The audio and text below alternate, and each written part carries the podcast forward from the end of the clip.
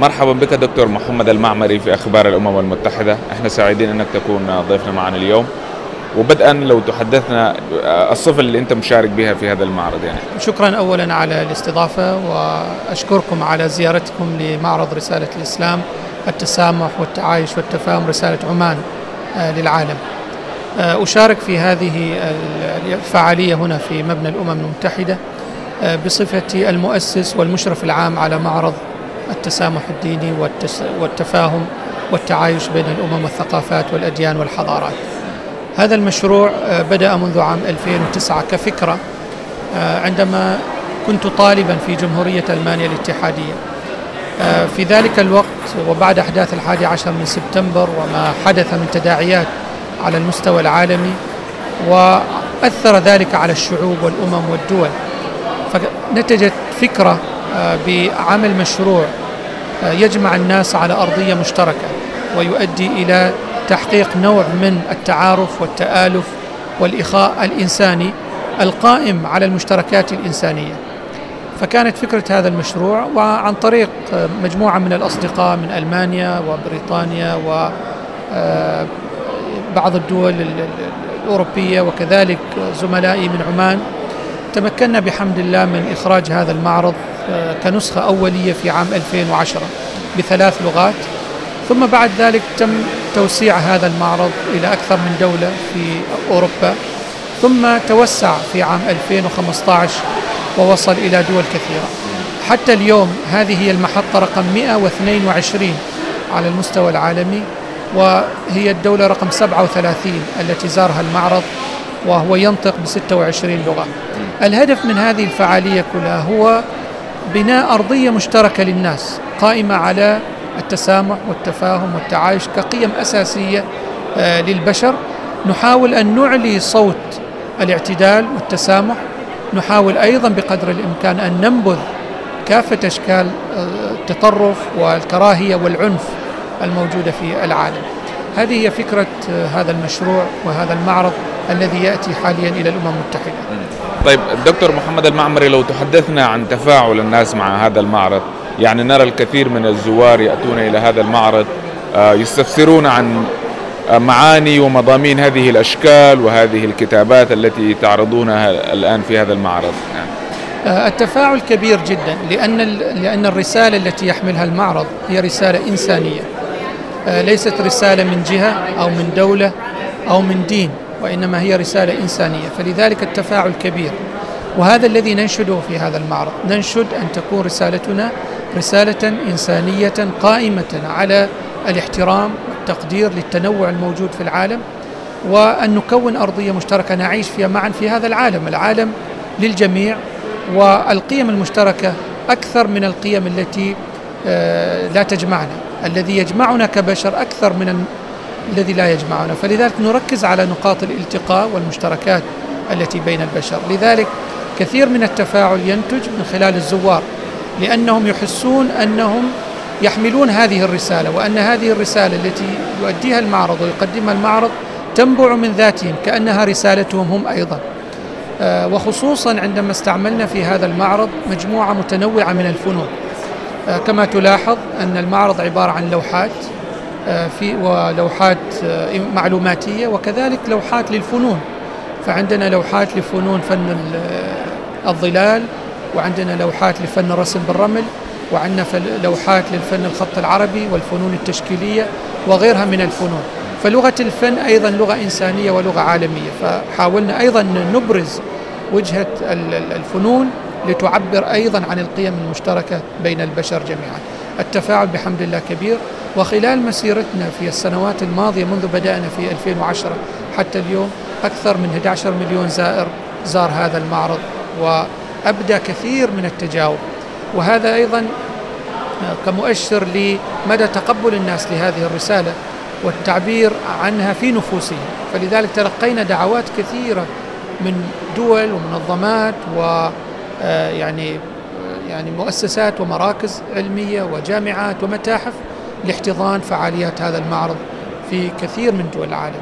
أنت ذكرت دكتور محمد المعمري أن المعرض يعني يحتوي على العديد من من اللغات.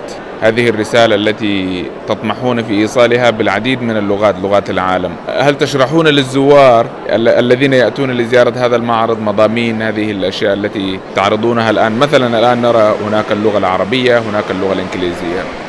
نعم كل محتويات المعرض موجودة بمختلف لغات العالم. في كل لوحة من هذه اللوحات التي موجودة أمامنا يوجد باركود في أسفل اللوحة. من خلال الباركود هذا عندما يضع الإنسان هاتفه على الباركود يتحول تلقائيا إلى الموقع الإلكتروني للمعرض الذي يمكن أن يتخير من خلاله من الستة وعشرين لغة. فيستطيع أن يتفاعل مع المعرض من خلال التكنولوجيا أيضا. فيعني هدفنا أيضا أن نوصل رسالتنا رسالة التعايش والتسامح والتفاهم إلى لغة الأشخاص بحيث لا يكون هنالك وسيط في التواصل مع الدول والأمم والشعوب والحضارات الأخرى فيعني رسالتنا تنطق بلغات مختلفة للعالم وتعبر عن ثقافات العالم وتجمع العالم أيضا في ثقافة التسامح والتعايش والقيم المشتركة. كيف نبعد لديك هذه الفكرة اولا يعني فكرة إنشاء هذا المعرض؟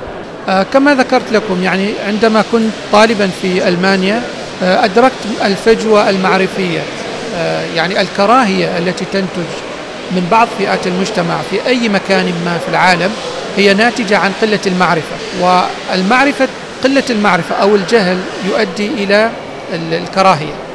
والكراهية تتطور بعد ذلك لتقود الإنسان إلى العنف والتطرف والانعزال والإقصاء.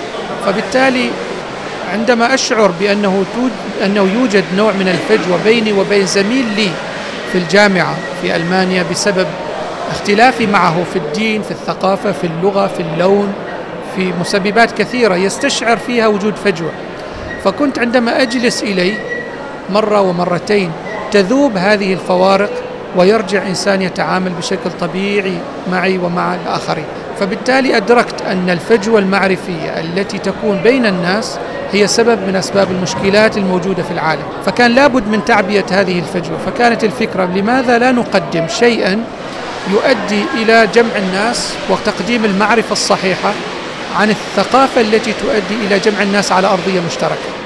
فكانت هذه هي الفكرة، هو تقديم شيء ما في البداية كان بسيطا جدا، يعني في البدايات لم يكن ذلك المشروع الضخم الذي تقوم عليه دولة أو تقوم عليه مؤسسات وإنما كان جهدا فرديا. تم التجاوب معه بحمد الله من قبل وزارة الأوقاف والشؤون الدينية في سلطنة عمان وحصلنا على الدعم في البداية. ثم تطور المعرض وكبر بعد ذلك. ف... لكن البدايات كانت بدايات سهلة وبدايات بسيطة وكان قصدي أن فقط أن أشرح للمجتمع الألماني آه هذه المفاهيم كوني كنت ما زلت طالبا في جمهورية ألمانيا الاتحادية. فهذه هي نتيجة الفكرة. وعندنا ثلاثية ذهبية نعمل عليها. هي التي نحاول أن نغرسها في هذا المعرض. أنا سميتها ثلاثية الذهبية للتسامح. من خلال هذه الثلاثية يمكن للإنسان والدول والمنظمات ومهما كان حجم المؤسسة أو صغرها أو كبرها يمكن أن تؤدي هذه الثلاثية إلى تحقيق نوع من التوازن والاعتدال والفهم للآخر و تكوين أرضية مشتركة. هذه الثلاثية قائمة على المعرفة والتعارف والاعتراف وهذه نظرية اجتماعية كتب عنها كثيرا في كثير من المؤلفات. فبالتالي نحن نعتمد على المعرفة أي أننا نجلب المعرفة إلى أي مكان نذهب إليه المعرفة القائمة على المعلومات الصحيحة المعلومات التي تصل بشكل مباشر إلى المتلقي. هذه المعرفة تقود بعد ذلك إلى التعارف. المعرفة وحدها لا تكفي. المعرفة متوفرة ويمكن للإنسان أن يقرأ عن دين أو ثقافة أو دولة معينة في كتب كثيرة ومراجع كثيرة وعن طريق شبكة المعلومات العالمية بشكل كبير. لكن المعرفة وحدها لا تكفي. لابد أن ينتقل الإنسان من الدائرة الأولى وهي المعرفة إلى الدائرة الثانية وهي التعارف. وذلك من خلال الالتقاء من خلال التواصل الحضاري سواء كان تواصلا مباشرا أو غير مباشر. من خلال التواصل بين مختلف الأطراف يكون هنالك تحقيق نوع من الفهم الأعمق للآخر. الكتب وحدها لا تحكي لك العمق الذي يعيشه الطرف الآخر أو الذي يعيش في دولة أخرى أو المؤمنين بديانة أخرى. ولكن عندما أعيش معهم وأتفاعل معهم وأتعارف معهم فإن ذلك يؤدي إلى معرفة أعمق عن معرفة الكتب ومعرفة التواصل من خلال الكلمة. لكن أيضا نقول بأن المعرفة وحدها لا تكفي والتعارف وحده لا يكفي. لابد من الانتقال إلى الثلاثية أو أو أو الدائرة الثالثة وهي الأهم بالنسبة لي وهي دائرة الاعتراف. والاعتراف بمعنى أن أعترف بحق الآخرين في الحقوق التي منحهم إياها خالق جل وعلا وأعطاهم إياها القوانين والتشريعات الدولية. فلكل إنسان حق في حرية الاعتقاد في حرية الإيمان في حرية ممارسة آه، الشعائر التي يؤمن بها في حرية الحركة في في الحريات والحقوق الأساسية للإنسان. فهذه هي النقطة الأهم وهي النقطة التي تنقص كثير من الجهود الموجودة على مستوى العالم. الناس لديهم معرفة ولديهم تعارف ولكن عندما ينقصهم الاعتراف بحق الآخرين في الحياة وفي الوجود فإن ذلك يؤدي إلى مشكلات. فلذلك نحاول من خلال هذا المعرض أن نحقق هذه الثلاثية ثلاثية المعرفة والتعارف والاعتراف. لتكوين أرضية مشتركة بين الناس.